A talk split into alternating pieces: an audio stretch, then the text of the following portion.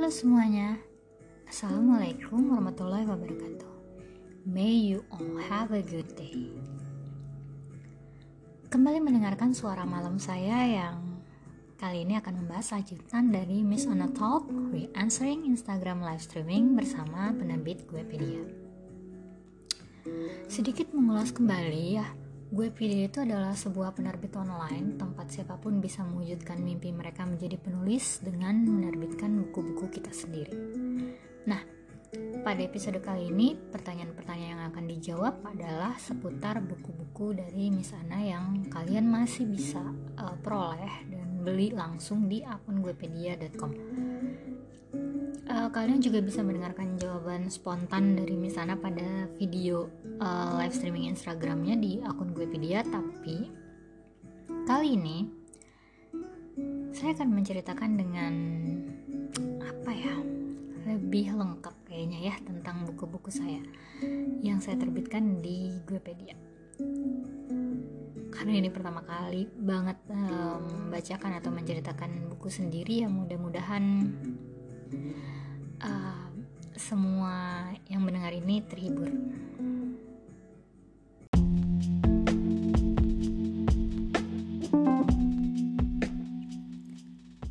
Buku pertama Udah ada empat karya kakak nih yang diterbitkan di Wikipedia. Oh. Dan yang yang paling menarik ini sih kak, um, The Unfolded Chapter of May. Ini menceritakan tentang bulan Mei apa gimana? Boleh diceritakan kak? Tentang apa sih isinya gitu? Terus background background di balik cerita itu siapa sih gitu? Iya, The Unfolded Chapter of May. Itu adalah buku terbaru saya yang terbit di tahun 2020. Tepatnya sepulang saya dari lockdown atau melockdownkan diri pada awal COVID-19 di uh, Raja Ampat. Ini menjadi sebuah reward bagi saya, sekaligus kado ulang tahun ya. Um, reward karena pada akhirnya bisa menyelesaikan sebuah karya yang merupakan tantangan saya tersendiri yang punya banyak misi dan lagi belajar untuk menulis dengan penuh makna gitu ya dan bisa berhasil diselesaikan dalam waktu tersingkat yang bisa saya lakukan sekalipun menurut Ahmad yang interviewer dari Guepedia itu bilang 8 sampai 9 bulan adalah waktu yang relatif lama menurutnya. Selain itu buku ini juga menjawab tantangan yang diberikan oleh Indra teman saya yang menulis. Jadi dia pernah bilang Sep lo kan penelitian tuh keluar kota ya ke mana-mana gitu. Tapi kenapa sih kalau nulis novel tuh lu settingnya pasti Bandung dia dari Bandung orang Bandung di Bandung. Nggak bisa gitu nulis di tempat lain. Iya juga ya baru nggak? Ya akhirnya di unfolded chapter ini eh di, di unfolded chapter of May ini um, menjadi tiket saya untuk keluar dari Bandung sekaligus mengajak serta teman-teman yang membaca buku ini untuk ikutan berjalan-jalan ke Raja Ampat tepatnya di Teluk Melibit. Dan ada serpihan kota Sorong yang menjadi hampir dari setengah bagian dari buku ini. Kalau ditanya tentang latar belakang ya kayak orang yang berkarya pada umumnya ya berangkat dari keresahan sebenarnya. Uh, ini tentang keresahan-keresahan yang waktu itu uh, di saat itu tuh umum gitu ya tentang ketenangan batin dalam menjalani hidup tentang semangat yang bisa bangkit kembali tentang memaafkan diri sendiri menerima masa lalu tentang harapan-harapan yang akan selalu ada bagi mereka-mereka yang hidup. Saya membuka buku ini dengan sebuah apa ini namanya ya puisi kayaknya ya. Uh, tentang itu semua. Yang kira-kira kalau dalam bahasa Indonesia isinya tuh kayak gini speak up untuk melepaskan rasa sakitmu maafkan dirimu karena itu adalah satu-satunya obat yang dibutuhkan oleh jiwamu untuk bisa hidup dalam kedamaian. Waktu akan berlalu, jadi jangan kamu tetap diam di satu periode waktu.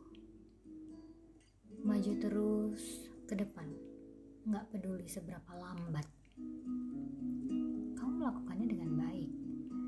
Setidaknya kamu hidup. Ambil nafas dalam, hidup di saat ini,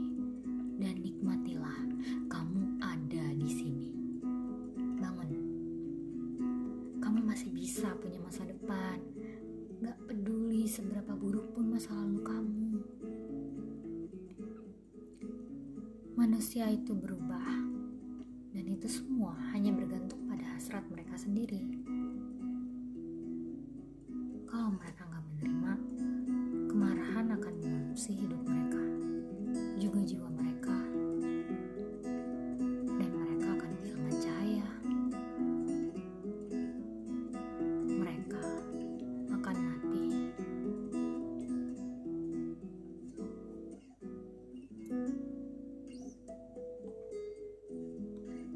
Puisi itu adalah saran yang aku buat sebenarnya buat tokoh utamanya ini loh yang namanya Mei.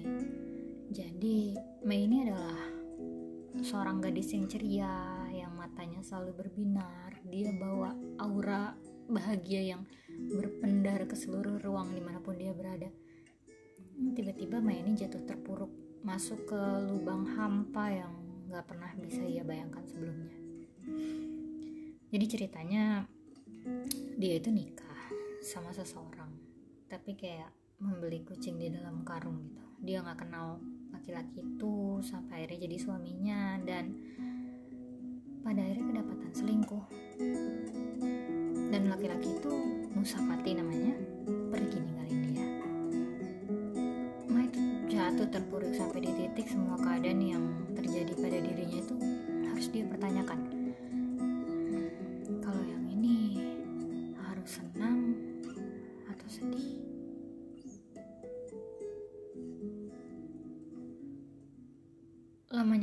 Bisa move on buat seseorang itu nggak jadi perkara ya karena rasa itu tetap terasa berat bagi siapa pun yang merasakannya dan hal yang terpenting adalah mengubah semua itu menjadi seperti sebelumnya kan menjadi baik-baik aja.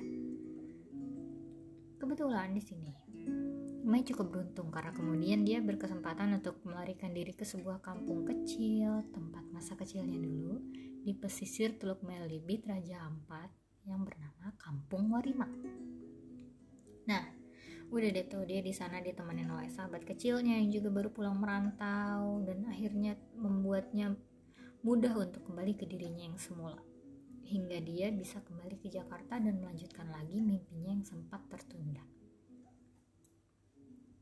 Tapi yang Mei gak sadari, ternyata dia tuh belum bisa memaafkan dirinya atas banyak hal, termasuk di pilihan-pilihannya di masa lalu, termasuk waktu dia nikahin Nusapati.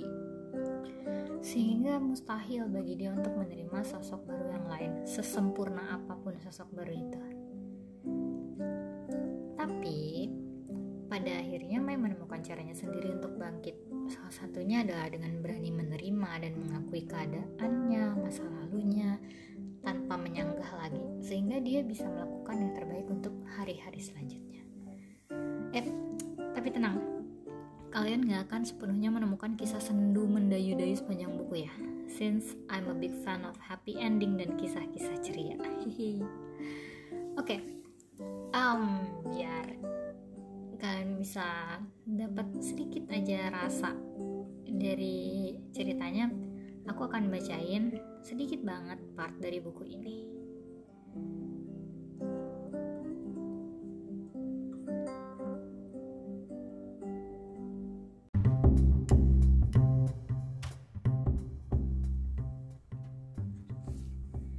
The Unfolded Chapter of May, Chapter 7, May dan pilihan-pilihannya.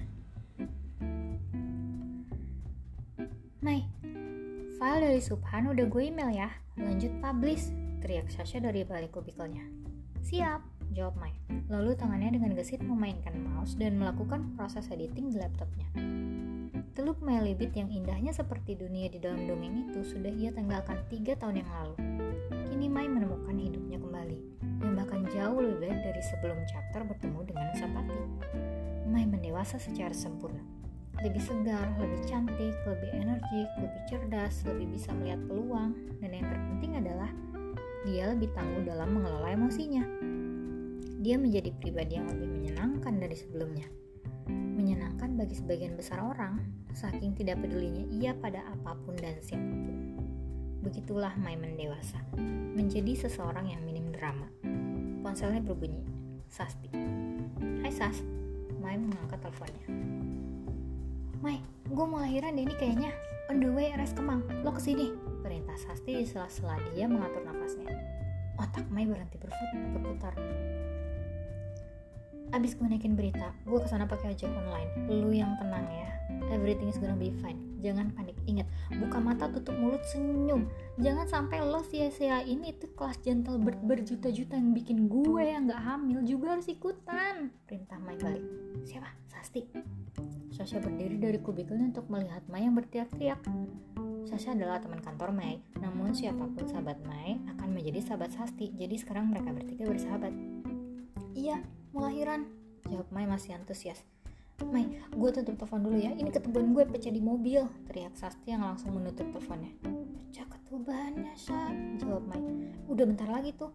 Yaudah buruan lo kelarin biar bisa langsung sana. Saran Sasha. Iya, jawab Mai. Yang meningkatkan kegesitan dan kelincahan mouse dan jemarinya tiga kali lipat dari sebelumnya. Mai, kelincahan mouse Mai terhenti karena suaranya. Ya mas, tanya Mai lembut, namun sorot matanya.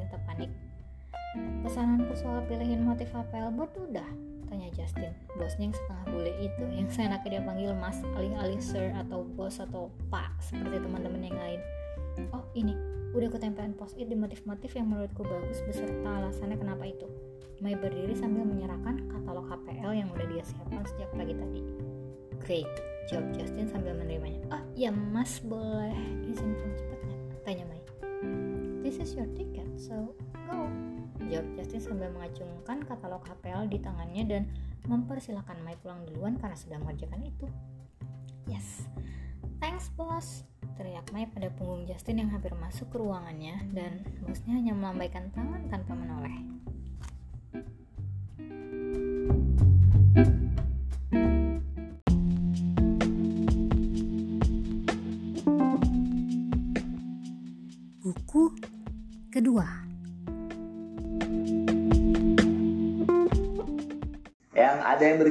Tentang notebook Rekti and Ceifa. Itu ya. ada hubungannya kak? Itu kan ada ada itu ini ya berchapter ya kayak apa gimana? Itu berchapter apa gimana? Iya. Kemudian Ahmad tanya tentang notebook Rekti dan Kaifa. Panggilnya K sebenarnya terus maksudnya dia mungkin berchapter tuh maksudnya ini series gitu atau bukan ya karena ada satu buku saya yang judulnya Notes by Keisha jadi sama-sama notes atau notebook jadi disangka itu adalah uh, cerita series gitu atau bersambung. Enggak sebenarnya. Uh, mereka adalah dua buku yang terpisah dengan dua cerita yang totally different. Jadi kalau di notebook Rekti dan Kaifa ini sebenarnya urutannya waktu itu uh, nerbitin bukunya adalah ini buku kedua yang diterbitkan. Dan dia adalah asal mula kenapa asal mula kenapa aku bertemu dengan guepedia.com yang kemarin udah diceritain ya. Lagi dalam proyek kolaborasi menulis kemudian teman aku kasih tahu untuk apa namanya terbitin buku di sini dan akhirnya aku uh, mencoba untuk menerbitkan. Nah, sebenarnya karya yang lagi disiapkan pertama kali untuk diterbitkan di guepedia.com ini adalah buku ini, yaitu Notebook Rekti dan Kaifa jadi uh, buku ini tunggu, yang spesialnya dulu ya. Yang spesialnya dari buku ini adalah ini uh, buku karya kolaborasi dua kepala. Jadi ada dua penulis di sini. Um, sehingga kalian bisa mendapatkan cerita dari dua sudut pandang yang berbeda. Ada cerita versi laki-lakinya dan ada cerita versi perempuannya. Jadi um, menurut aku sih baca bukunya seru banget aku aku sendiri suka dan puas dengan buku ini gitu well untuk ceritanya sendiri adalah menceritakan tentang catatan catatan-catatan masa SMA dari dua remaja tentang persahabatan, semangat organisasi, cerita keluarga, dan rasa-rasa yang terpendam.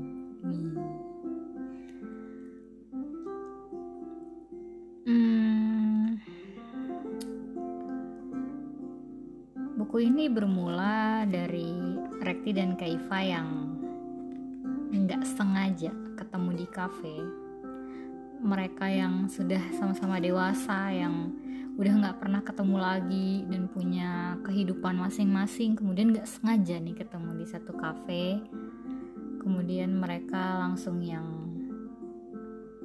ketemu pertama kali di situ semenjak terakhir mereka berpisah dari masa SMA dan akhirnya Malam itu terbukalah portal dimensi waktu yang seketika membawa mereka menembus ke masa-masa SMA bertahun-tahun yang lalu. Di mana mereka pertama kali dulu berkenalan di satu acara jurnalistik gitu. Terus akhirnya mereka jadi bertukar kisah, saling kenal satu sama lain di melalui sebuah buku catatan kecil atau notebook yang dirahasiakan dari dunia. Ya, karena kita cerita tentang Rekti dan Kaifa yang menembus masa-masa SMA-nya di mana ditulis di tahun um, terbitnya itu sendiri ada di tahun 2019. Um, masa SMA-nya mereka itu 10 sampai 15 tahun yang lalu sehingga itu adalah masa-masa di awal atau di pertengahan tahun 2000-an di mana handphone itu belum umum dipunyai sama siapa pun apalagi sama anak SMA sehingga settingannya itu ada di masa-masa itu. Lagi hmm, masih terasa banget itu hype-nya ADC sehingga uh, tiap geng tuh jadi punya buku diary geng gitu. Nah ini semacam buku diary-nya mereka berdua. Kemudian masa-masa itu juga belum ada WhatsApp atau SMS eh, atau SMS bahkan. Cuman ada telepon rumah. Jadi buat kalian pembaca-pembaca yang mungkin masih muda yang sekarang masih usia-usia yang pokoknya tahu-tahu tuh udah ada smartphone aja gitu ya. Supaya kalian bisa tahu zaman dulu tuh kayak gimana sih. Nah buku ini ada akan menceritakan kisah anak-anak SMA di zaman dulu. Ketika telepon itu masih cuman ada telepon rumah yang sekarang kalian gak umum kan menemukan telepon rumah di rumah.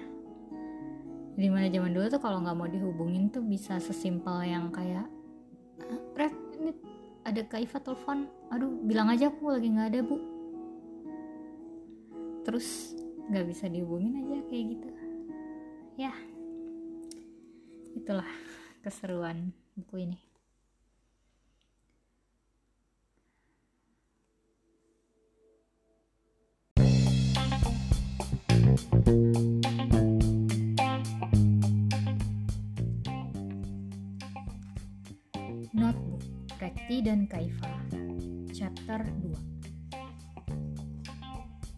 pintu tol Bekasi Timur. Aku dan anak kelas 1 ini berdiri mematung sambil membaca papan bertuliskan besar-besar, pintu tol Bekasi Timur. Tadi aku sempat menyesal karena berpikiran bahwa dia hanya anak selengean yang mau ikut seminar demi bisa mendapatkan dispensasi. Dan ternyata dia malah pulang membawa percoklat hadiah lomba menulis karena tulisannya dinilai sebagai tulisan terbaik. Tapi sekarang, sambil melirik kesal padanya, dia menyebabkan kita berdua nyasar di tempat yang belum pernah sama sekali aku jejaki. Dan tampaknya juga baru pertama kali dari sini. Harusnya lo ingat, alasan kenapa Allah ciptain lo dengan dua biji mata, sementara mulut lo cuma satu. Supaya mata lo dipakai lebih banyak daripada mulut lo. Ide jangan khawatir, jangan khawatir pala lo peang.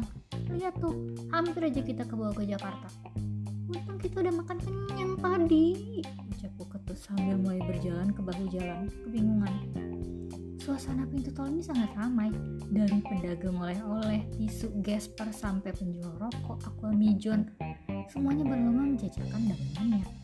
Masuk dari satu bus ke bus lain, lalu turun lagi sesaat sebelum bus melaju masuk ke dalam tol.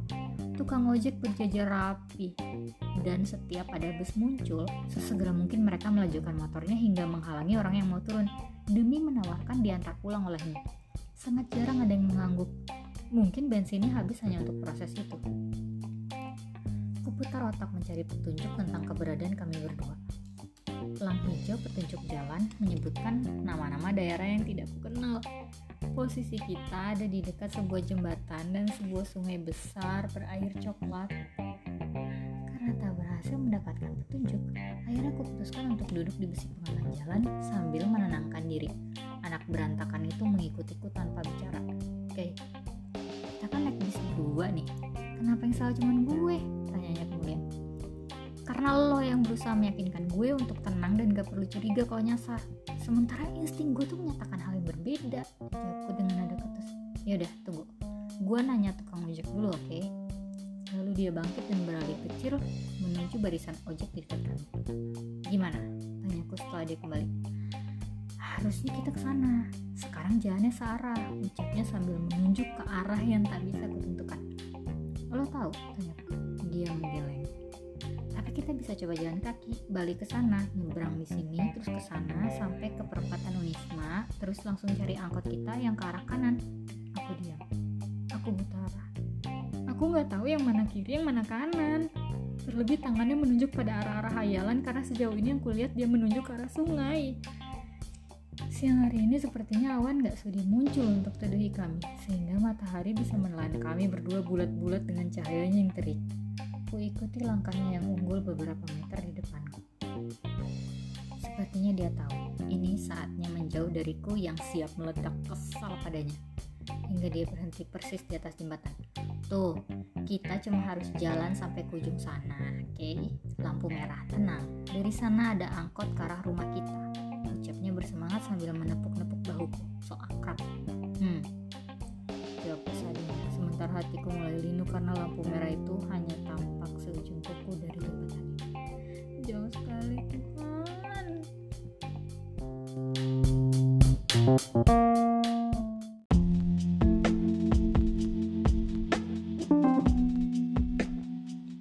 Buku ketiga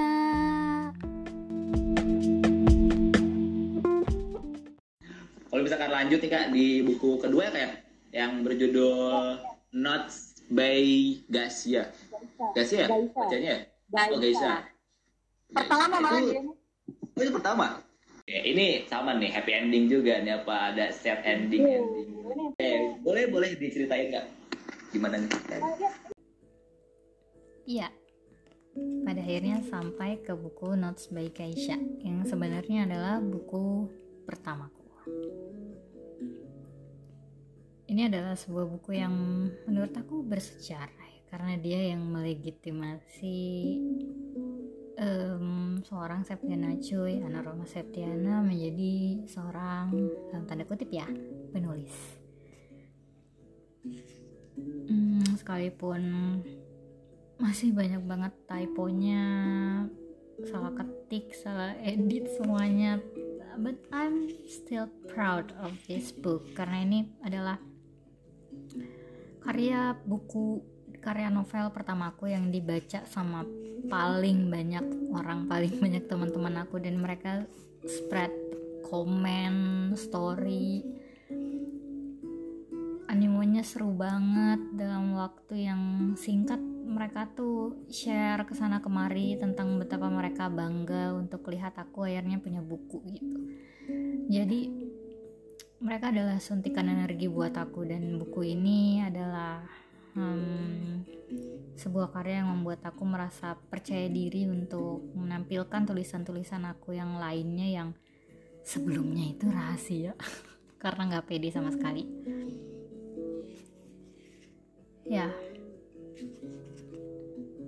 Hmm, dia adalah satu cerita yang sebenarnya paling sederhana kayaknya cepet juga dibikinnya. Karena waktu itu sebenarnya uh, Notes by Geisha ini dibikin bukan untuk dinikmati dalam proses bacanya aja atau proses kerumitan ceritanya tapi lebih kayak ke dia punya layouting yang lucu sebenarnya konsepnya waktu itu. Pengen aku cetak sendiri. Tapi um, enggak diedit diubah ulang untuk dimasukin ke format novelnya gue pedia ini uh, sehingga semua yang tadinya bentuk notes notes gitu um, masuk semua ceritanya dalam bentuk tulisan. Sekalipun masih ada ya bentuk-bentuk notesnya gitu. Kemudian jujur aku lupa banget karena ini tuh ditulisnya tuh kayak di tahun 2016 mungkin udah lama banget ini selesai dan aku tuh lupa banget ya uh, alasan kenapa aku nulis ini kemudian latar belakangnya kayak gimana. Apalagi kan dia banyak akhirnya aku ubah gitu dari segi-segi kekinian dari yang cerita zaman dulunya tuh masih pakai SMS sampai akhirnya yang sekarang aku bikin mereka udah chattingan gitu. Tapi uh, setelah aku baca ulang kemudian kan gue pede juga membutuhkan harus ada kata pengantar gitu ya pada akhirnya di situ aku menemukan ulang um, apa sih sebenarnya hidden message atau pesan dibalik dari kisah dari Alvin dan Geisha ini. Well, sebelum ke mana-mana, aku ceritain dulu. Kalau buku ini adalah bercerita tentang Geisha yang suatu hari dia menemukan catatan hariannya yang sudah beberapa waktu hilang. Di buku catatannya itu ada tulisannya warna pink fuchsia gitu notes by Geisha. Dan inilah yang akhirnya dijadikan judul dari novel ini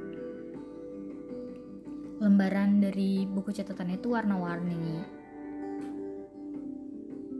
di mana warna-warninya itu tuh mewakili masa-masa dalam hidupnya dia jadi kayak misalnya di tahun 2016 dia nulis di lembaran yang warna kuning, kemudian di 2018 dia nulis di lembaran warna hijau dan itu kan di tahun-tahun tertentu ada kejadian-kejadian tertentu kan. Nah, suatu hari buku itu hilang. Enggak, dia nggak ingat kenapa buku itu hilang, kenapa akhirnya buku itu nggak dia cari-cari lagi. Sampai akhirnya dia ketemu ini, dalam buku ini nggak hanya menceritakan tentang Gaisha karena ada satu tokoh utamanya yang namanya Alvin. Alvin itu adalah suaminya Geisha yang tampan, sempurna banget di matanya Geisha. Yang jadi tokoh utama dan sebagian besar cerita dalam halaman buku diarinya dan seluruh isi kepalanya. Atau kita bisa bilang kalau Geisha tuh cinta sama si Alvin Empat tahun loh mereka nikah. Tapi Gaisa tetap jadi orang asing yang gak ubahnya jadi teman satu kontrakan. Karena Alvin sendiri punya pacar.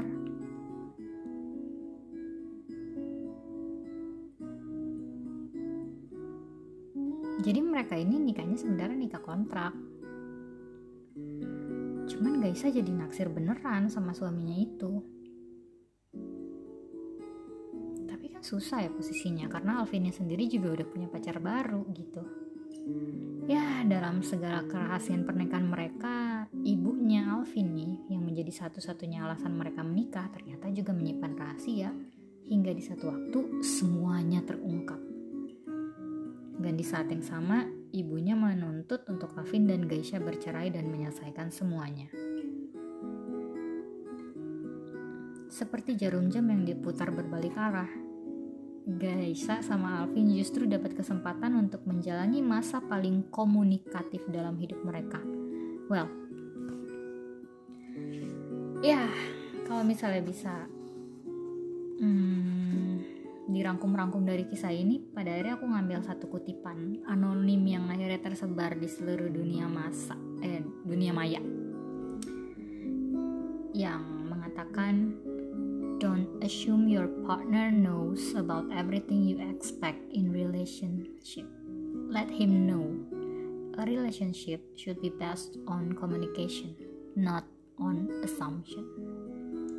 Ya atau bahasa Indonesia gini lah, gak usah berasumsi kalau pasangan kamu itu, pacar kamu, suami kamu tahu tentang segala hal yang kamu ekspektasikan dalam hubungan kalian. Jangan berasumsi, kasih tahu mereka. Karena landasan hubungan itu adalah komunikasi, bukan asumsi. Gitu. Jadi itu adalah satu kutipan yang menurut aku cocok banget untuk memulai seluruh kisah panjang yang menahun. Terjadi di antara Gaisa dan Alvin, suaminya, yaitu tentang komunikasi.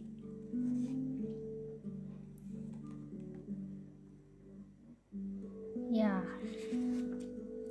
karena mungkin ya, pada waktu itu keresahan yang ingin aku angkat dari menulis novel ini adalah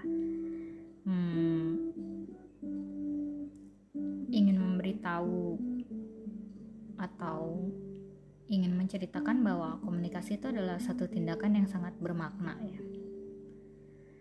Bertukar informasi supaya saling memahami, saling mengerti maksud dan tujuan masing-masing. Dan itu tuh sering kali luput diingat dalam satu hubungan percintaan. Karena biasanya sepasang kekasih itu lebih berupaya meningkatkan kuantitas kontaknya ya dibandingkan kualitas atau isi dari percakapannya. Kayak kamu udah makan belum? Kamu lagi di mana? Lebih nanyain hal-hal yang kayak gitu daripada kayak what do you feel today? Are you happy? Atau hal-hal yang kayak gitu. Karena selebihnya mereka berasumsi kalau udah ngerti nih satu sama lain Padahal kuantitas atau seringnya kita chat, telepon, atau komentar di sosial media tuh nggak sama sekali menjamin kualitas komunikasi antar dua orang kekasih. Ya, jadi itu adalah satu pesan yang menarik yang dibagi dari buku Notes by Keisha. Dan satu hal yang seru banget dari buku ini adalah di sini ada satu tokoh lagi yang namanya Deon dan ternyata tuh sesenang itu rasanya ya ketika akhirnya pembaca tuh jadi punya eh, jadi terbagi ke dalam dua kubu. Jadi ada kubu-kubu yang pro Deon dan ada kubu-kubu yang pro Alvin gitu. Dan mereka protes atau mereka setuju. Terus aku bilang yang kayak ya aku naksirnya sama yang ini gitu.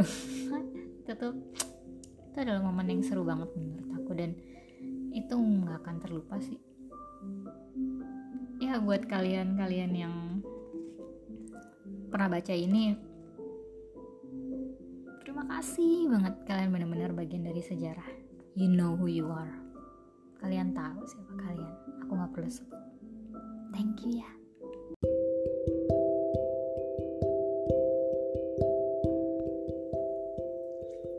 Notes by Geisha. Notes 2 Pindah apartemen Begitulah Alvin. Bentuk pelarian dirinya kalau sedang bersidang begini adalah keluar apartemen dan ngopi. Menurut dia, kalau kita lagi saling kesal, tubuh kita mengeluarkan radiasi emosi yang membuat ruangan juga jadi ikut naik suhunya. Sehingga cara terampuh menenangkan kembali situasi yang terlanjur panas adalah dengan pergi dari ruangan itu. Biasanya cara itu berhasil untuk kami berdua. Tidak sampai 10 menit, kami berdua sudah berdiri di depan kasir sebuah kafe di lantai dasar apartemen. Ice coffee latte dan hot coklat ucapku pada barista. Alvin tersenyum mengangguk-angguk penuh arti. Enaknya jalan sama kamu tuh, saya nggak perlu mikir.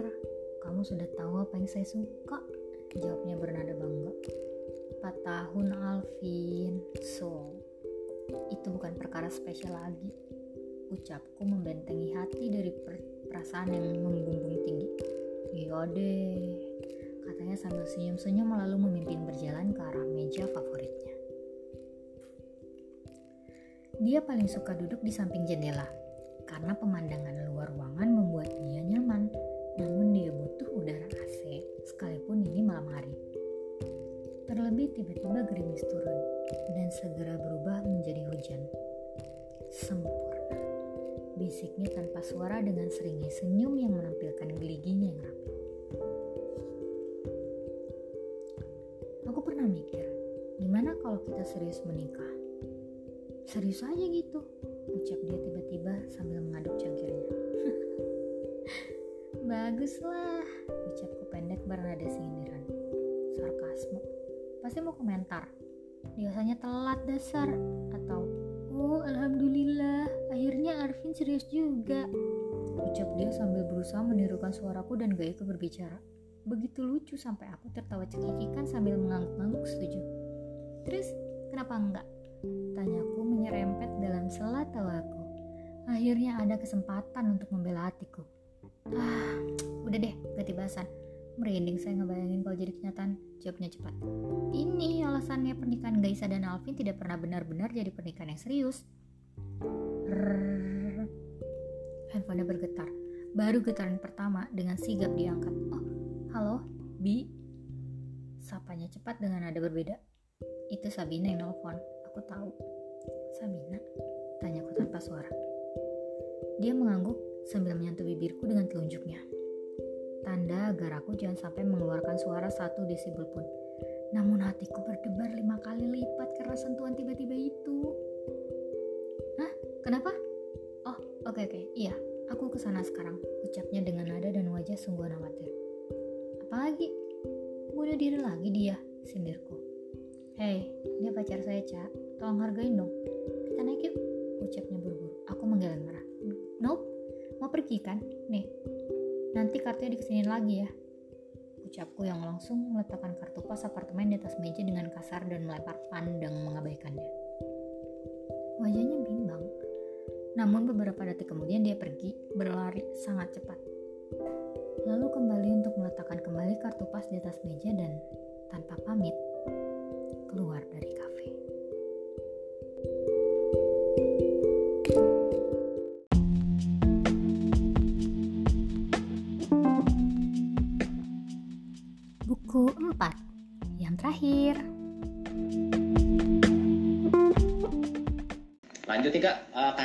ketiga yang berjudul apa nih? Alabot seri, ya Al Alabot seri ya. Nah itu sama tuh tentang tentang friendzone juga tuh apa gimana?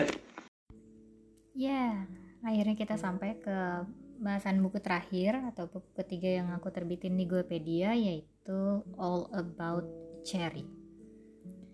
Uh, lagi-lagi, Cherry itu adalah nama dari tokoh utamanya yang uh, merupakan seorang gadis yang gemar menulis novel tentang friendzone nggak sih. Sebenarnya kayak kalau yang lebih tentang friendzone itu tadi adalah yang notebook Rekti dan Kaifa. Itu dia friendzone banget ya. Tapi kalau yang Cherry ini ada sih ya part friendzone-nya tapi kayaknya tuh uh, tipis banget ya. Nah, yang jadi menarik banget dari buku ini adalah ya pasti aku akan menerbitkan buku-buku atau cerita-cerita atau novel-novel yang paling spesial ya karena aku punya satu folder yang sebenarnya banyak banget ceritanya. Tapi sampai aku terbitkan jadi buku tuh pasti ada sesuatunya gitu kan. Kayak tadi Unfolded Chapter of May of course aku terbitkan karena dia punya latar yang sangat spesial yaitu Raja Ampat. Aku pengen kayak mengesahkan atau mengkompakkan me meyakinkan posisi aku kalau aku tuh pernah tinggal di sana dalam karya aku ya ada serpiannya di Unfolded Chapter of May. Kalau di notebook Rekti dan Kaifa kita tahu yang spesial adalah um, itu adalah karya kolaborasi dua kepala. Jadi itu satu challenge menulis yang sangat seru banget prosesnya menurut aku. Kemudian di Notes by Geisha tentu dia sangat spesial karena dia adalah buku pertama. Dengan cerita yang menurut aku hmm, sangat sangat oke okay banget menarik banget. Tapi kalau di All About Cherry Selain ini adalah buku yang sangat panjang proses nulisnya, lebih panjang terpanjang dari yang uh, diterbitkan yang lain Cherry ini adalah satu tokoh yang aku tuh fans beratnya aku tuh ngefans banget sama si tokoh utamanya yang namanya Cherry ini. Dia adalah karakter yang menurut aku paling kuat yang paling aku suka yang paling gue banget nih. Menurut gue ini cewek ini keren banget gitu. Um, dia karakter yang paling paling kuat yang paling aku suka sebenarnya dari si Cherry ini. Aku naksir banget sama si Cherry ini. Uh, dia adalah satu sosok perempuan yang berprinsip dia dia tahu dia cita-citanya mau apa dia bisa ngejar itu dia sangat mandiri dia uh, punya uh, apa ya uh, strong karakter gitu di dalam dirinya dia. Sampai seakan-akan tuh dunia tuh nggak bisa ngegoyahin dia gitu. Tapi di samping itu semua dia adalah perempuan biasa yang juga punya perasaan Nah, yang jadi menarik ini hmm, satu tokoh yang namanya Rai yang menjadi tokoh utamanya ini yang awalnya dia nggak sadar kalau dia sebenarnya tuh ngefans banget sama si Cherry ini di alam bawah sadarnya dia tuh dia Cherry tuh dia banget juga gitu suka banget sama si Cherry ini seneng banget sama si Cherry ini sama karakternya sama gayanya Cherry, kecerdasannya, kepintarannya, bagaimana randomnya Cherry yang jadi mereka itu sebangku di SMA dan Cherry ini tuh bisa yang tiba-tiba random yang kayak diam terus begitu sadar menurut lo gimana Rai kalau kayak gini gini gini gini yang gitu. Dan itu tuh nyeritain tentang uh, Cherry itu lagi bingung sama novel yang lagi dia ketik. Kan dia penulis novel dan dan si Rai itu jadi ikutan terlibat dalam permasalahan di dalam novelnya si Cherry gitu. Jadi tuh seru banget gitu diskusinya mereka dari si novelnya Cherry ini. Ya begitulah. Hingga akhirnya mereka uh, lulus SMA dan berpisah dan karena mereka ada di masa SMA yang sosial media itu belum ada sehingga ya udah simply lost contact aja bener-bener nggak ketemu. Nah satu vibes yang paling aku suka banget paling seru banget menurut aku adalah momen ketika mereka ketemuan lagi. Jadi bukan cuma Cherry ketemu sama si Rayanya doang tapi Cherry ketemu sama semua gengnya dia yang ada di SMA dan cerita ini tuh kebawa banget energi. Karena waktu aku ngelanjutin ngetik ini uh, jadi tuh uh, part pertama atau part SMA-nya ini ditulis ketika aku masih S1 dan part kedua tepat masa-masa kuliahnya mereka itu ketika mereka reunian lagi tuh ditulis ketika aku lagi S2 dan itu tuh eh, masa-masa aku S2 itu adalah masa-masa ketika aku uh, baru ketemu dan baru reunian sama teman-teman aku yang lain. Teman-teman SD teman-teman SMP ketemuan lagi. Dan itu kayak uh, semua rasa rindu yang terus apa namanya yang terpendam tuh bisa keluar gitu. Kemudian kayak kita ngegali-gali momen-momen masa-masa zaman dulu tuh kayak gimana. Dan ini tuh terlukis kebahagiaan uh, reuninya itu tuh ada di sini. Jadi kalau kamu yang lagi kangen sama teman-teman dan pengen reunian kamu baca di All About Cherry. Mungkin kamu bisa hmm, dapat nih feel satu vibes reunionnya si Cherry dan teman-temannya di buku ini. Ya itulah hal yang paling menarik dari buku All About Cherry yang panjang banget ini. Dan apa ya percakapan-percakapannya tuh seru banget. Aku kaget sendiri sih waktu misal waktu jadi pas ketika pertama kali aku buka jadi file ini tuh lama banget kan nggak kebuka. Hingga suatu hari ketika aku sudah dewasa dengan sekelumit kisah yang aku punya gitu kan. Tiba-tiba aku buka file ini lagi. File yang udah lama udah berjaring laba-laba kayaknya ya. Terus aku buka terus aku mulai baca dari line pertamanya. Terus aku ngakak sendiri. Kemudian aku bilang gila kenapa sih cerita All About ini nggak diselesaikan sih? Gitu. Dan di situlah aku akhirnya mulai menyelesaikan cerita ini. Hmm. Aku memulai cerita ini di dengan sebuah puisi. Karya Rumi gini bahasa Indonesia nya aku mencintai kamu tidak dengan hatiku atau dengan pikiranku.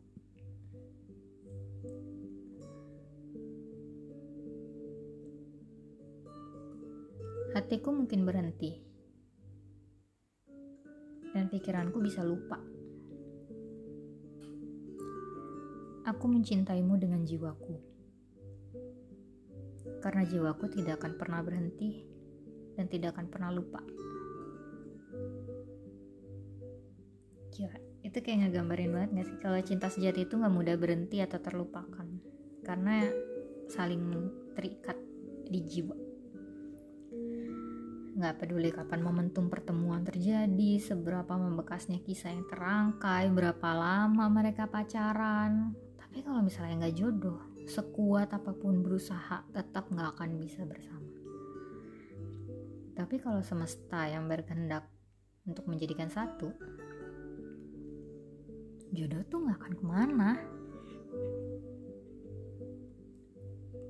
Ya, kira-kira itulah yang digambarkan dari uh, kisahnya Rai dan Cherry ini mau muter-muter Rai punya pacar baru. Mau Cherry akhirnya kenalan sama cowok yang baru. Hmm, sesempurna apa pun mereka melalui. Sesempurna apa pun mereka berusaha untuk saling menjauhi. Kalau memang akhir-akhirnya tuh harus ketemu lagi ya bakal balik lagi. Kayak ada gravitasinya gitu. Ah itu adalah hal yang menarik karena sebelum akhirnya buku ini diterbitkan di Guepedia, judul awalnya adalah gravitasi. Dan gravitasi ini sendiri, gravitasi itu sendiri adalah judul novel yang diciptakan oleh Cherry yang ada di dalam buku ini gitu. Jadi aku membuat novel yang bercerita tentang pembuat novel yang membuat novel berjudul gravitasi. Well, mudah-mudahan kalian bisa ngerti itu ya. Tapi itu seri dan apa ya keabsurd dan keanehan atau gimana uh, apa namanya keseruan seseorang yang sedang menulis novel dia yang suka tiba-tiba ngilang atau apa uh, menggumamkan kalimat atau tiba-tiba mendiskusikan tentang hal-hal yang random yang eh, ini lagi ngomongin siapa sih? gitu. Ya keanehan pembuat novel yang kayak gitu tuh kalian bisa baca di sini gitu karena Cherry itu kayak gitu jadi di tengah-tengah dialog atau di tengah-tengah apa tiba-tiba dia bisa hilang atau bisa bisa bisa langsung ngebahas tentang tokoh di dalam kisahnya dia gitu.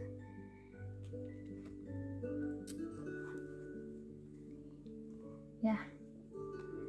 Yuk langsung kita coba untuk dengar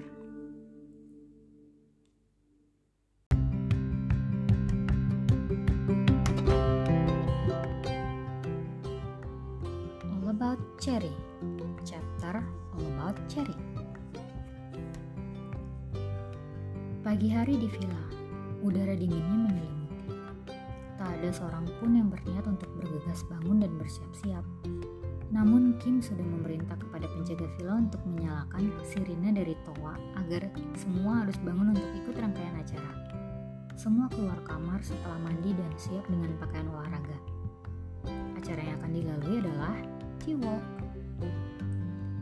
Rai dan Banyu keluar dari dalam kamar. Di ruang tengah sudah tersedia makanan dan minuman hangat untuk mengisi perut sebelum berjalan-jalan di kebun teh. Entah mengapa, Rai sangat rindu ingin bertemu dengan Cherry. Sambil mengambil pisang goreng, matanya mencari dan kepalanya celingak-celinguk penasaran. Banyu justru hanya diam dan tertunduk lemas. Pagi ini pasti tidak akan menyenangkan karena Alisa sudah pasti akan menjauhinya. Cari kopi, tanya seseorang di hadapannya. Banyu mengangkat wajahnya dan mendapati Alisa yang sedang tersenyum. Alisa? Ucap Banyu tidak percaya. Dia mengambil kopi yang disodorkan oleh gadisnya, kemudian menyesapnya malu-malu. Bagus. mesra-mesraan terus. Rai mencibir mereka yang baru saja tatap-tatapan. Dia langsung berjalan gontai ke arah meja minuman. Sialnya, dia justru melewati Kim yang sedang senyum-senyum meneguk nikmat teh buatan Patricia. Emang ada tulisannya ya, kalau jomblo bikin kopi sendiri? Tanya Cherry yang sedang meracik kopi dengan primer. Apaan sih? Pagi-pagi udah bikin emosi, ucap ketus. Pantes saja jomblo, jutek sih. Pagi-pagi itu harus diisi dengan senyuman, biar seharian nanti senyum terus. Kalau pagi-pagi udah marah-marah, niscaya sampai seharian nanti bawaannya kesel terus, kata Cherry mengomentari. Iya sih. Rai mengangguk kepalanya yang tidak gatal tanda penyesalan. Suka yang pakai primer nggak? Tanya Cherry. Rai mengangguk. Lalu Cherry menyodorkan kopi yang baru saja selesai diracik. Loh, tanya Ray. Iya, buat lo. No pelet, no iseng. Prinsip gue, setiap kali gue di luar rumah, gue harus melakukan minimal satu kebaikan setiap di sekolah. Gue selalu kasihin PR gue buat lo contekin. Tapi hari ini nggak ada PR, jadi kopi aja deh buat lo. Jawab Cherry sambil ngeloyor pergi untuk mengambil cangkir lagi. Ray hanya diam terpaku menatapnya. Kenapa bengong lo bang? Pat tiba-tiba sudah muncul di sampingnya. Sialan tuh si Cherry. Dipikir gue ladang amal kali. Kata Ray sambil melangkah pergi dan menyesap kopinya yang terasa nikmat sekali. Pat hanya tersenyum karena sekilas pada kata kekesalannya. Dia melihat senyum berat, senyum tipis di bibirnya yang kaku. Oke,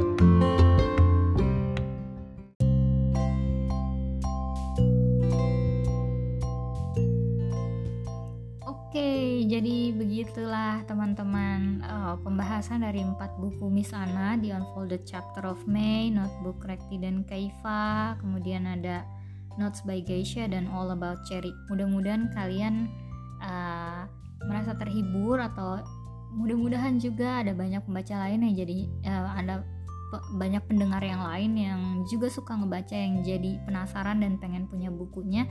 Masih bisa dibeli sampai sekarang di websitenya guepedia.com atau kalian bisa ke e-commerce-nya Guepedia yang resmi di Tokopedia ada, di Shopee ada, di Bukalapak ada.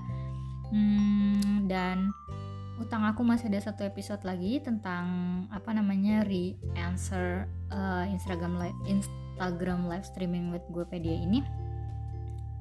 Yang di next episode aku akan menceritakan tentang uh, bagaimana uh, tren novel atau apa namanya uh, proses penulisan zaman dulu sama zaman sekarang kemudian tren novel yang sekarang tuh uh, penulis-penulisnya tuh kayak gimana sih dan itu uh, sudut pandangnya bukan melalui uh, bukan aku yang sesuai ngeriset tapi aku akan membacakan laporan dari sayembara novel Dewan Kesenian Jakarta tahun 2019 eh, 19. Jadi kalian pastikan untuk dengerin karena yang besok itu pembahasannya menarik banget.